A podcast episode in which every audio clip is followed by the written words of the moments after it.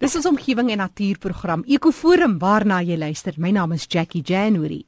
Vandag kuier ons bietjie in die Oeverberg streek, want saam met die res van die Wes-Kaap is die die hartklop van die natuurlike fynbos en die veldblom erfenis van ons pragtige land. En nou dis teen hierdie agtergrond wat ek gesels met iemand wat passievol werk in die omgewing. Adrian Hannekom. Adrian is die voorsitter van die Caledon Veldblom Genootskap en hy's ook werksaam daar by sy kwekery, dis die Caledon Fynbos kwekery. Nou Adrian, jy het ook 'n unieke geleentheid om die bewaring van kleurvolle en gesogte Kaapse fynbos te bevorder. Vertel ons so 'n bietjie meer. Jy weet ons eh, wêreld se blomme en en plante is so uniek. Dit is een van die ses koninkrye blomkoninkryke in die wêreld. En dit is die kleinste enetjie, maar met die grootste diversiteit. En ons het verskriklik baie endemiese plante. Dit beteken plante wat net by ons voorkom, nêrens anders nie. Mm. En ons het verskriklike wye verskeidenheid soos ericas byvoorbeeld. Die Engelse mense spog met hulle ericas want hulle maar 14 spesies in in Engeland. Waar ons het hier op na as jy al die subspesies buite en trek dit naby in 1000. So ons het absoluut gesien ons is baie unieke wêreld wat ons ontbly. Ongelukkig vind ons dis nie almal wat dit so ervaar nie. Is nie almal wat so dink daaroor nie. Maar sou baie graag werk daaraan om die mense se Ja, ons moet net so mindset 'n bietjie te change. Nou nou daaroor meer net so vir die interessantheid en ek is bloot nuuskierig. Jy praat van 6 van die wêreld se hierdie biome en ons is die kleinste. Watter een is in die wêreld die grootste van so 'n blomme koninkryk? Die grootste uh, plant uh, koninkryk is die wat hulle die Boreal koninkryk. Dit is die noorde van Europa. Daai hele dit is 'n massiewe area, dis 44% van die wêreld se oppervlakte word deur die Boreal koninkryk uh, beslaan. Die hele Europa. Die hele Europa en waarvan Suid-Afrika soos jy sê een van die 6 dalk die kleinste met die meeste verskeidenheid. Dit wil nogal gedoen wees. Ek dink altyd aan die Chelsea blomme skou en dit is juis hierdie fynbos met baie ander van ons uh, blomme koninkryk wat ingetrek word by die Chelsea blomme skou, maar die fynbos maak altyd vir 'n mooi prentjie by die ja, spesifieke skou. Absoluut, ja. Nee, ons het regtig unieke plante in, in ons omgewing. Uh, weet as mense gaan terugkyk, as jy gaan kyk in Europa, die mense plant wat hulle noem wat ons noem malvas, maar eintlik pelargoniums. By die miljoene plante wat in Europa in bakke en aan hang hulle aan die vensterbanke en so voort en op die sypaadjies en so. Daai goed kom van ons af. Dit is reg Suid-Afrikaanse plante wat veredel is daar en wat daar by die miljoene gekweek word en verkoop word. En dan kyk jy by ons hoeveel mense plant daai goed. Dis maar min ek sien nou sommer daai prentjies as mense nou dink aan Europa. Ek praat van Griekeland, hy mooi wit ja. huisies met hierdie bakke met hierdie pragtige rooi diep pink in daai malvas nie. Dis reg. En dis eintlik 'n baie lekker plant om so te om sommer so in 'n pot te hou, sê jy. Ja, dis 'n lekker maklike plant. Maar jy is praat al van die laaste 30 jaar as jy daar op Caledon, jy het jou fynbos kwekery daar. As jy ja. kyk na die fynbos daar, vertel ons sommer net so van die interessanthede wat jy oor die jare teruggestaan het en gesê het, "Wow, ek het dit nie besef nie." Wat sou jy met ons deel? Jy weet 'n baie unieke ding wat gebeur het hier, so eintlik by Napier, nou nie by Caledon nie. Daar is 'n paar goed wat ek kan vertel. In elk geval by Napier het mense besluit hulle gaan na 'n groepie mense, hulle gaan hulle plase uh, laat uh, verklaar as 'n reservaat. Mm -hmm. Toe het hulle 'n plantkundige aangekry wat hierdie plante moes kom evalueer en kyk wat is daar in so aan. Toe ontdek die ou wat hy dink is plante nuwe Erika spesies. Want hulle het nog nooit so Erika gesien nie. Mm -hmm. Toe neem hy dit na Dr. Ted Oliver wat die uh, Erika kenner is, wêreld Erika kenner is. Toe neem hy hy van van Kaapstad. Toe het hy dit na hom toe geneem en hy het dit 'n klokkie by hom gery. Toe hulle in die boeke gaan naslaan. Meer as 200 jaar gelede het mense saad kom bymekaar maak. En hulle het Engeland toe geneem na Kew Gardens toe. En die saad daar gesaai, die plante het opgekom. En daar was 'n ou met die naam van Andrews en hy het die goed geverf, geskilder. Mhm. Mm en toe hierdie spesifieke een wat die ou nou gedink het 'n nuwe spesies het hy geskilder oor die 200 jaar terug. Wow. En daai plant was nog nooit in Suid-Afrika waar sy tuiste is gesien gewees nie. En hier ontdek mense dit na aanleiding van so 'n projek. Nou, toe uh, dit is absoluut uh, verstommend geweest. Maar die die plante, ons het dit nou, die plante blom, ons ek kweek dit in die kwekery ook en uh goed is nou beskikbaar. Wat is van die mees gewilde goed as jy nou praat van jy kweek dit in die kwekery van hierdie blomme koninkryk of sy erfenis waarna kom soek mense? O, jy kry ouens wat jy weet, ek ouens wat nou regtig belangstel, dis ouens wat uh, baie belangstelling in erikas byvoorbeeld, dit verskillende erikas. En uh, want, omdat daar so groot verskeidenheid is, 'n verskeidenheid van tipe blomme, lang blommetjies, klein ronde blommetjies en you name it, vet blommetjies. Erikas is my is een van my gunsteling. Ja, ja. En uh, jy weet, uh, dit is baie uniek en baie mooi en jy kan dwars deur die jaar Erika plante hê wat blom. Adrian, dit is dan die Erika familie en aan die ander kant het ons natuurlik deel van die koninkryk, die plante koninkryk van die Kaap. Het ons natuurlik onder andere die helder rooi koningsprotea en die blushing brides. Vertel ons meer van die familie. Protea self is deel van die protea wat ons sê Proteaceae familie. Die uh, blushing brides, Rurias, is ook deel van die Proteaceae familie. Hmm. Jou tolbosse, jou spelletkussings en daai manne is almal deel van die Proteaceae familie. Julle het nou hierdie uitstalling wat later so die einde van Augustus tot vroeg in September gaan ja. plaasvind en dit is juis op die Protea wat vernoem is na Madiba wat julle ook gaan fokus want dit is julle soort van julle deel van julle logo. Dis reg ja. Kyk die uh, die Protea, die Madiba is 'n Protea phaneroides en Protea phaneroides is Suid-Afrika se nasionale blom. Ja. Maar nou die Madiba is 'n geteelde blom. Hy is spesifiek deur die LNR is hy geteel en vrygestel uh, in in die bedrywing. En dit is 'n baie mooi, pragtige blom, rooi uh, phaneroides en uh, hy word natuurlik net deur steggies voortgeplant. Jy kan hom nou nie met saad nie en dan gaan jy die eienskappe verloor.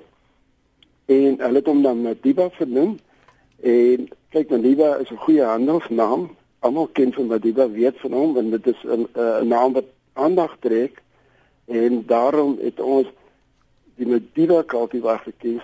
Dit dit eer vir Madiba en dit sê vir die mense dis ons nasionale blom ook. Mm. En dis nou daai helder rooi koningsprotea wat jy van praat. Ja, dis hy. Dis. En ek gesels nou nou verder met Adrian Hannekom. Hy is daar van die Caledon Veldblom Genootskap in die Oeverberg wat praat oor die hartklop van hierdie natuurlike fynbos en veldblom erfenis van ons land.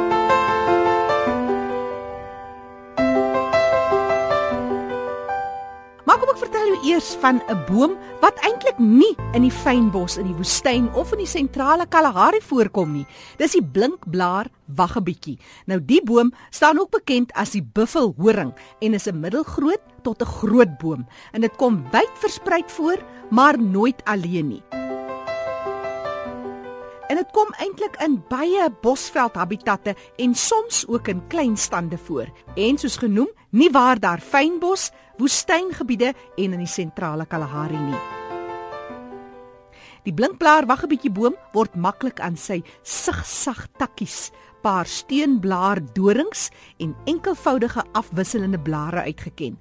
Nou, hierdie blare is ook glansend aan die bokant en is asimetries gevorm. Die blare van die boom is eetbaar en kan selfs in spinasie gekook word. En alhoewel hy gesê word as ryk aan voedingsstowwe, is dit nie baie smaaklik nie. Die blinkblaar waggebietjie het ook baie medisonale waarde en 'n ekstrak van die wortels word gebruik as 'n pynverdower.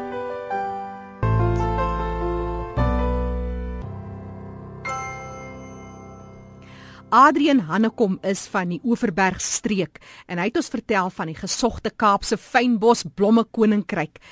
Adrian, jy het nou nog gepraat van die verbastering. Soms word daar steggies gebruik, ander kere saad. Vertel ons meer. Plante het met sekere eienskappe, blomkleur en en en fatsoen van die bos en die klas van goed, dan moet jy dit met steggies vermeerder want anders gaan jy later as jy van saad gaan jy later daai eienskappe verloor. So om jy om daai eienskappe te behou moet jy van steggies kweek. Maar as jy van jy kan baie goed van saad kweek. Ek meen dan uh vir die gewone uh hoe sou ek sê handel is daar baie goed wat van saad gekweek word. Uh mense is altyd bang dat die goed kan verbaster en so. Nou jy weet die natuur is, is so wonderlik uitgewerk dat die goed gebeur nie sommer nie. Daar gebeur verbasterings, maar gewoonlik gebeur die verbasterings as mense tussenin kom. Mm. Mense nou die goed bymekaar gaan plant, dan kry jy verbasterings. Maar in die natuur self kry jy nie sommer net eenvoudige verbasterings. Dit is baie skaars. Nou ons kyk nou na die fynbos want dit is ook waarop jy gaan fokus met julle Kaapse Koninkryk Expo wat jy gaan hou. Daar's natuurlik op van hierdie van hierdie fynbos wat uh, deur die jare heen eintlik honderde jare heen 'n uh, baie groot rol gespeel het in die voortbestaan van die mens. Jy weet daar was van hulle gebruik vir ja, waans en so meer. Absoluut, absoluut. Ons gaan op die uh, expo gaan ons daai aspekte almal uitlas so ver as moontlik kan. Uh, jy dink byvoorbeeld aan rooibos tee dis 'n fynbosplant. Uh jy dink aan doegu wat uh, gebruik was al die jare vir kwale en goed, dis 'n fynbosplant en daar's baie van hulle. En ons wil daai aspekte wil ons ook aan die mense bekendstel en vir hulle wys. Uh want dit is absoluut deel van die van die erfenis vir die mense voor die die oorspronklike mense wat natuurlik hier was. Het daai goed deur die eeue het hulle dit geleer ken en daai kennis opgebou.